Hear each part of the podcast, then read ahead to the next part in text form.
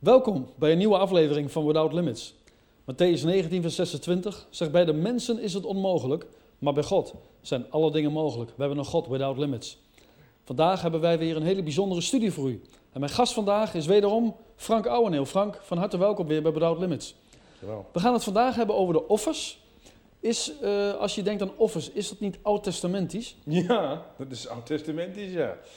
Nou, is dat allemaal actueel? Ja. Ja, ik was al bang dat je die vraag zou stellen. Eh, omdat een hoop eh, christenen denken dat. Oude Testament, dat is eh, synoniem met ouderwets. Dat is heel Ja. merkwaardig. Heel, wie dat verzonnen heeft, ik weet het niet. Het Oude Testament, dat is voor studenten, voor bijbelschoolstudenten, voor predikanten, voor freaks. Het Nieuwe Testament, dat is het, dat is modern. Dat is een misverstand, dat is niet begrijp. Eigenlijk die hele terminologie Oude en Nieuwe Testament hebben wij zelf verzonnen.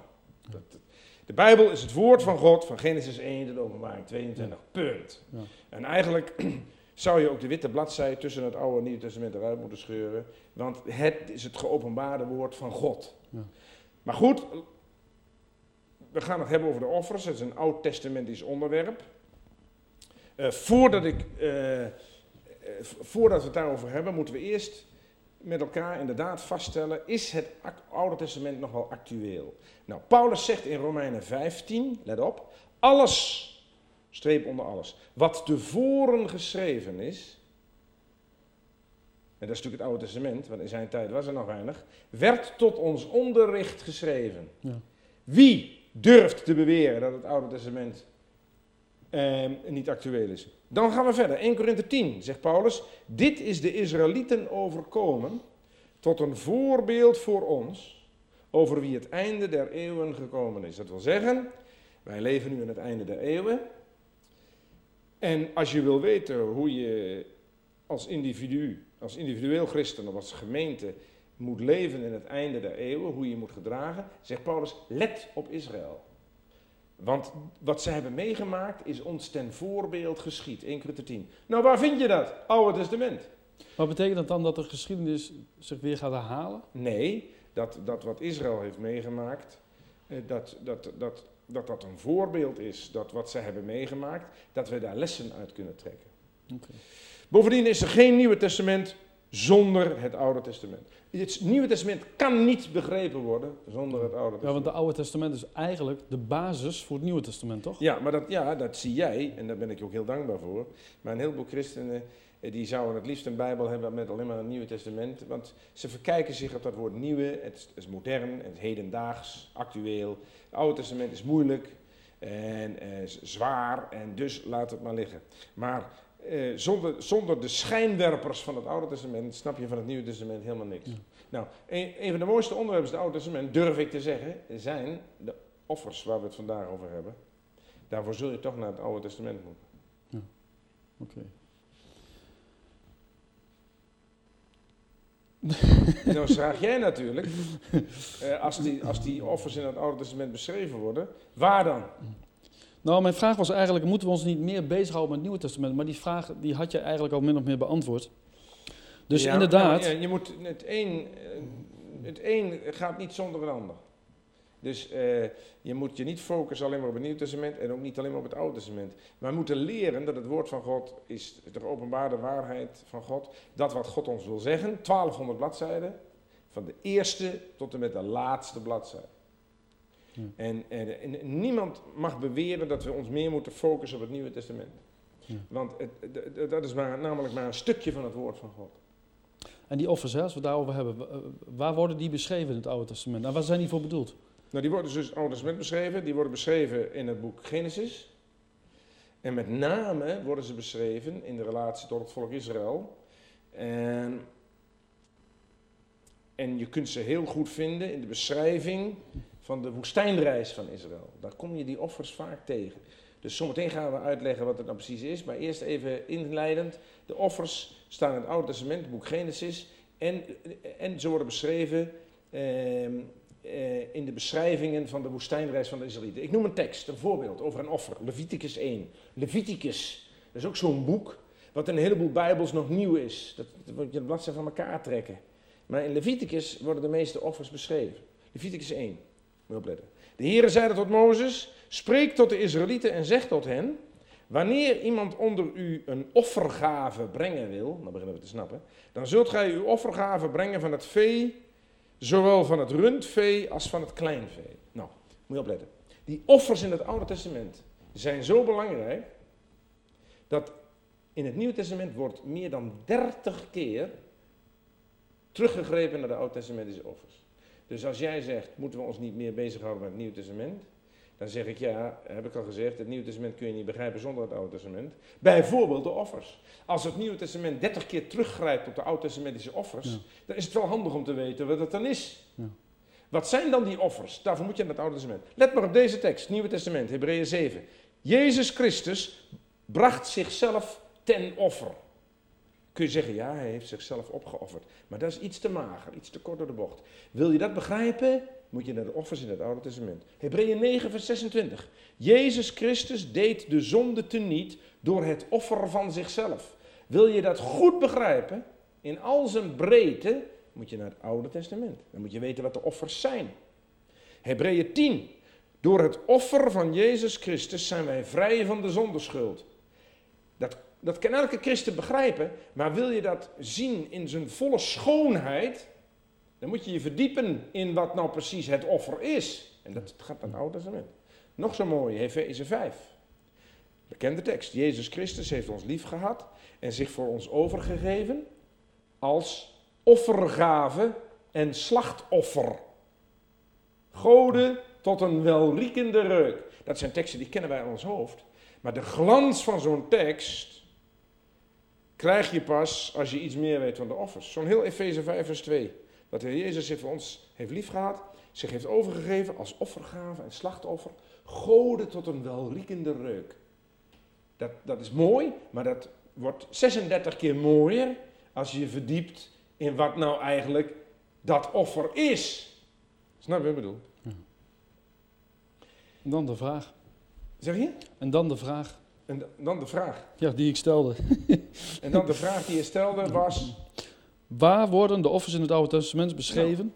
Genesis En voor wie waren ze bedoeld? voor het volk Israël. Volk Genesis, Israël. Exodus, Leviticus, eh, Deuteronomium en, en nog een enkel plaats in het Oude Testament. Maar ze waren in eerste instantie bedoeld voor het volk Israël.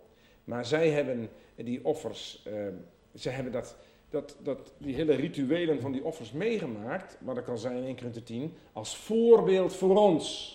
Zodat wij het Nieuwe Testament zouden begrijpen. Nou, voordat we wat dieper ingaan op, eh, op de offers, kun je iets vertellen en uitleggen over het woord offer? Ja, het woord offer, dat kennen wij ook in het spraakgebruik van gewoon, dan, eh, ook onder de niet-christenen. Offer betekent letterlijk iets brengen of aanbieden. Wij kennen, eh, dat is wat letterlijk betekent. Christelijk overgezet, een offer is een geschenk aan God. Ja, ja. Als je het woordenboek opzoekt wat een offer is, dan staat er een gave die met zelfverloochening aan God wordt afgestaan, toegewijd en opgedragen. Dus het, het woordenboek maakt er een christelijke aangelegenheid van. Een gave die met zelfverloochening aan God wordt afgestaan, toegewijd en opgedragen. En toch is mooi dat het woordenboek dat zegt. Want in Hebreeën 9 staat, Jezus Christus heeft zichzelf aan God geofferd. Zie je dat? Met zelfverloochening aan God afgestaan, toegewijd, opgedragen. Hebreeën 10, door het offer van Jezus Christus zijn wij vrij van de zondeschuld. Hij heeft zichzelf aan God opgeofferd. Christelijk overgezet, in een offer geven wij aan God terug wat wij van Hem hebben ontvangen. God heeft ons zijn zoon gegeven. De Heer Jezus is gekomen. De Heer Jezus heeft zich op het kruis als offergave en slachtoffer aan God overgegeven en heeft zo de zonde teniet gedaan. Daardoor hebben wij eeuwig leven ontvangen. Nou mogen wij als dank daarvoor aan God ook een offer brengen. Natuurlijk van een heel ander kaliber als wat de Heer Jezus op het kruis heeft gedaan. Maar Hebreeën 13 zegt, laten wij door Jezus God voortdurend een lofoffer brengen. Ja. Zie je dat? Dat betekent, als je je bezig hebt gehouden met wie de Heer Jezus is, met, het, met de manier waarop Hij een offer is geweest op het kruis, de manier waarop Hij zich aan God heeft opgeofferd voor onze zonde, als je dat gaat zien, dan, dan welt er in je hart aanbidding op. O Heer Jezus, wat is uw offer groot. En dat noemt de Hebreeënbriefschrijver, laten wij door Jezus God voortdurend een lofoffer brengen. Met andere woorden, nou kom ik nou, kom ik, nou komen we bij de offers. Hoe meer ik de offers in het Oude Testament bestudeer, hoe meer ik begrijp van het kruis, hoe beter ik een aanbidder ben. Dus hoe meer ik begrijp van het kruis, hoe voller mijn hart van aanbidding wordt. Dus de, en, en daarvoor is bijvoorbeeld het onderwerp de offers een geweldige aanleiding. Ja, want het geeft dus eigenlijk aan, begrijp ik nu, dat het heel erg belangrijk is ook dat je daar kennis van hebt. Ja, om, om, te begrijpen. Ja, we hebben nu een aantal keren, heb ik je genoemd, eh, dat de Heer Jezus zich heeft opgeofferd. Ik heb je verteld dat heeft te maken met onze zonde. En het heeft te maken met wat hij aan God heeft, dat hij zich aan God heeft opgeofferd. Eh, ik heb gezegd, eh, door zijn offer zijn wij vrij van zondeschuld. Dat is nogal wat allemaal. Als ik dat allemaal zo de revue laat passeren, hè, wat het Nieuwe Testament over de offers zegt, hè, dan denk ik bij mezelf, ik wil daar meer van weten. Hoe zit dat toch met die offers? En daarom is het een belangrijk onderwerp. Nee, absoluut. En, en, en, en de Bijbel vermaant ons, of, of adviseert ons in 2 Petrus 3, groei op in de kennis van onze Heer en Heiland Jezus Christus. Met andere woorden, de Bijbel vermaant ons, jij hebt de, je Bijbel zegt, jij hebt de Heer Jezus lief. Hij heeft zich voor jou opgeofferd op het kruis van Golgotha. En, Petrus zegt in 2 Petrus 3, jij moet meer van hem gaan leren. Je moet groeien in de kennis van hem. Paulus zegt in Efeze 4, moet je opletten, groeien in de kennis van de Zoon van God. Tot de maat van de volgroeidheid van de volheid van Christus. Met andere woorden, we zijn er nog lang niet. Paulus zegt, ga maar door. Hoe meer je groeit in de kennis van Jezus Christus, hoe meer je groeit tot de maat van de volheid, van de volgroeidheid van de volheid van Christus. Wauw, Nou, dat moet je zelf doen. Hoe doe je dat? Hoe groei je nou in de kennis van de Zoon van God? Weet je, dat zegt de Heer Jezus zelf in Johannes 5, vers 39. Onderzoekt de schriften. Wat bedoelt hij daarmee? Het Nieuwe Testament? Nee, want dat was er in zijn tijd nog niet. Hij bedoelt het Oude Testament. Onderzoekt de schriften, let op. Deze zijn het die van mij getuigen. Met andere woorden, de Heer Jezus zegt, als jij blij bent met mijn offer, met mijn nieuwtestamentische offer, met mijn nieuwtestamentische offer, en je wil groeien in de kennis van mij, om je hart te vullen met aanbidding, zodat je zelf een lofoffer kunt brengen, dan moet je de schriften onderzoeken. En dat is het Oude Testament. Want in zijn tijd was er geen Nieuwe Testament. Waarom? Deze zijn het die van mij getuigen. Oude Testament. Lucas 24. Jezus begon bij Mozes en bij al de profeten. Is dat Oude Testament of is dat Oude Testament? En legde hun uit wat in al de schriften op hem betrekking had. Wauw. Let op, al de schriften. Dus dat was met de Emmausgangers. Hij begon bij Mozes. Hè? Mozes heeft de offers beschreven. Hè? Mozes, eh, Genesis tot en met Ja, eh, de Deuteronomium. Hij heeft de offers beschreven. Jezus begon bij Mozes en bij al de profeten, legde hun uit wat in al, streepje onder al, de schriften, Oude Testament, wat in zijn tijd was er nog geen Nieuwe Testament, op hem betrekking had. Wauw! Al de schriften. Nou, Paulus. ja, van, mag ik even wat vragen? Ja, ja? Eh, Hoe vaak wordt er verwezen in het Oude Testament naar Jezus? Heel vaak. Oh, ontelbaar. Eh, ik heb pas een document gekregen van een, Jood, van een eh, Joodse schriftgeleerde. Die komt eh, aan, over, aan 75 keer dat in het Oude Testament naar Yeshua verwezen wordt. Maar ik denk, ik denk dat het niet te tellen is. Ik, persoonlijk spaar ik ze. Alle verwijzingen vanuit het Oude Testament naar Jezus. En ik kom aan, aan meer dan 100. Ja. Het, het- da- da- en de Jezus zegt, hou je be- goede vraag, hou je bezig met het Oude Testament? Kun je van mij leren. Onderzoek de schriften, deze zijn het die van mij getuigen. Ja. Moet je opletten wat Paulus doet. Paulus, handelingen 17, die gaat daar eh, naar eh, een hoop schriftgeleerden toe. Staat daar, moet je opletten. Paulus behandelde drie sabbatten achtereen met hen gedeelten uit de schriften, Oude Testament. Want in Paulus' tijd was er nog geen Nieuw Testament. Moet je opletten. Door aanhalingen uitleggende dat de Christus moest lijden en opstaan uit de doden en dat deze de Christus is. Ha, ha, ha. Dus Paulus die gaat daar eh, zitten met zijn Oude Testament. Drie sabbaten achter elkaar neemt hij gedeeltes uit het Oude Testament. Dan staat er in Handelingen 17 vers 2 en 3. Door aanhalingen uitleggende dat de Christus moest lijden en opstaan uit de doden en dat deze de Christus is. Nou, net wat jij zegt, het hele Oude Testament verwijst naar de Heer Jezus.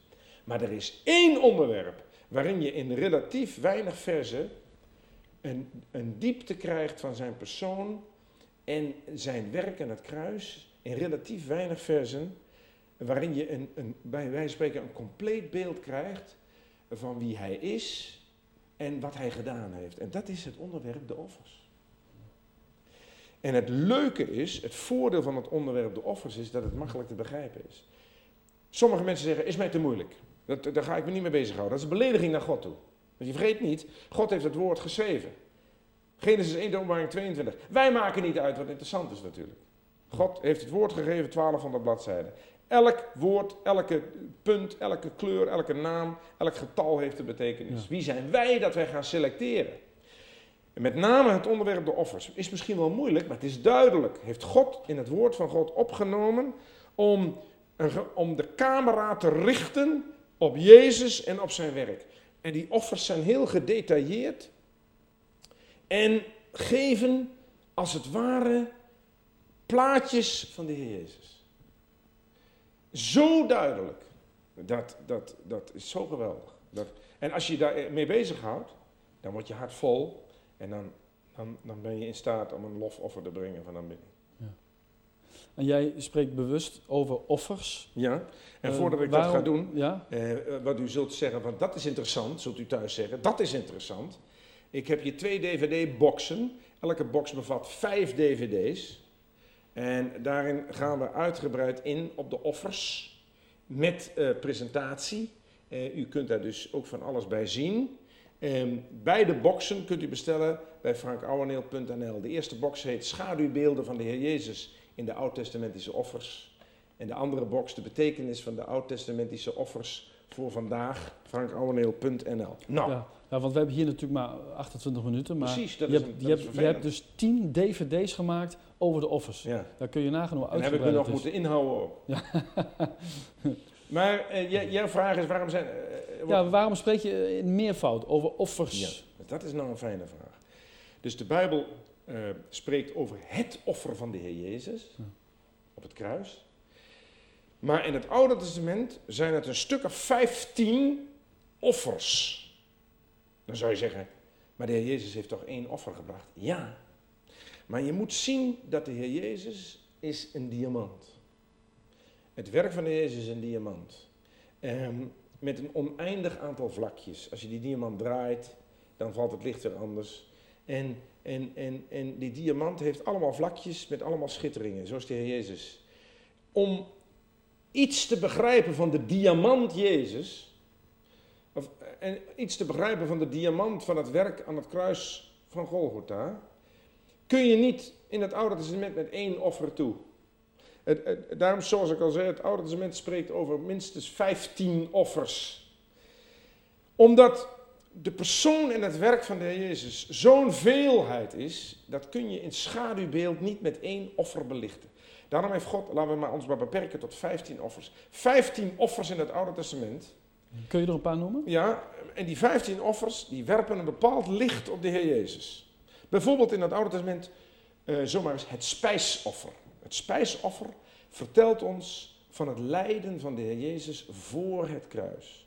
Het spijsoffer was het enige offer waar geen bloed bij te pas kwam. Het spijsoffer spreekt van zijn lijden voor het kruis. Wij denken dat de Heer Jezus alleen maar op het kruis heeft geleden, maar zijn lijden begon al toen hij geboren werd. Tegenspraak, beledigingen enzovoort enzovoort. Hmm. En daarvan spreekt het spijsoffer.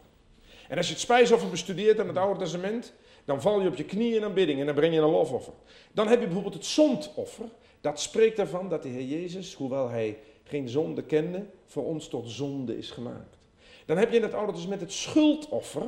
Dat vertelt ons dat hij niet alleen het zondeprobleem heeft opgelost, maar alle schuld die wij door onze zonde bij God hadden opgebouwd, heeft betaald. Dat, dat, dat kennen wij, die uitdrukking. Jezus, u hebt onze schuld betaald. Maar als je dat echt wil snappen, moet je naar het schuldoffer. Dan heb je bijvoorbeeld het offer van de rode koe, of het offer van de rode vaars, in nummer 19. Dat, dat leert ons hoe wij praktisch om kunnen gaan in elke dag in ons leven, in heiligheid, eh, in het licht van het offer van de Jezus. Dan heb je het brandoffer. En dat is niet een brandend offer, maar één woord, brandoffer. Dat is wat de Heer Jezus gedurende zijn omwandeling en op het kruis voor God heeft betekend. Wij denken bij de komst en het werk van de Jezus altijd aan onszelf, wat het ons heeft opgeleverd. Maar vergeet niet dat door zijn persoon en door zijn werk God geweldig verheerlijkt is geworden. Ja. Dat is één zin, maar wil je dat begrijpen, dan moet je in het Oude Testament naar het brandoffer. Dan heb je in het Oude Testament een reukoffer.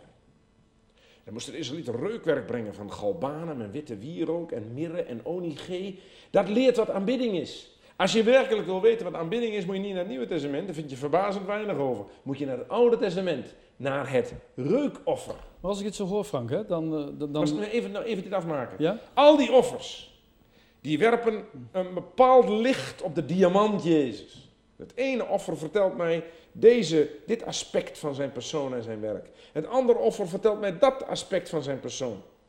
En, en, en, en, en eh, ik, eh, voordat ik je vraag beantwoord, wat denk je van de grote verzoendag? Die twee offers. Het bloed dat gesprenkeld werd tussen de gerubs. De bok die met de zonde de woestijnen werd gestuurd. Wat denk je van het plengoffer, het hefoffer, het beweegoffer? Allemaal offers in het Oude Testament die uitgebreid beschreven worden, tot in detail, eh, die ons een bepaalde facet laten zien van wie Jezus is. En ik zou je vertellen, als je dat bestudeert, en dat kan alleen door de kracht van de Heilige Geest, maar het kost je wel moeite. Maar waarom zou je dat niet doen? Als je dat doet, dan kom je tot aanbidding en dan komt er in je hart een lofoffer. ja, want we leren hierdoor Jezus ook veel beter kennen. Ja, En is dat ook niet de bedoeling daarvan? juist. Zodat we dichter bij hem komen. Hè, maar wat, mijn vraag was eigenlijk, hè, als ik dit zo hoor, dan is dit zo belangrijk. Is dat dan geen ondergesneeuwd onderwerp? Ja. Want je hoort er niet veel over. Nee, maar goed, eh, er zijn in de Bijbel natuurlijk heel veel ondergesneden. Maar, maar, maar komt dat omdat dat moeilijke stof is?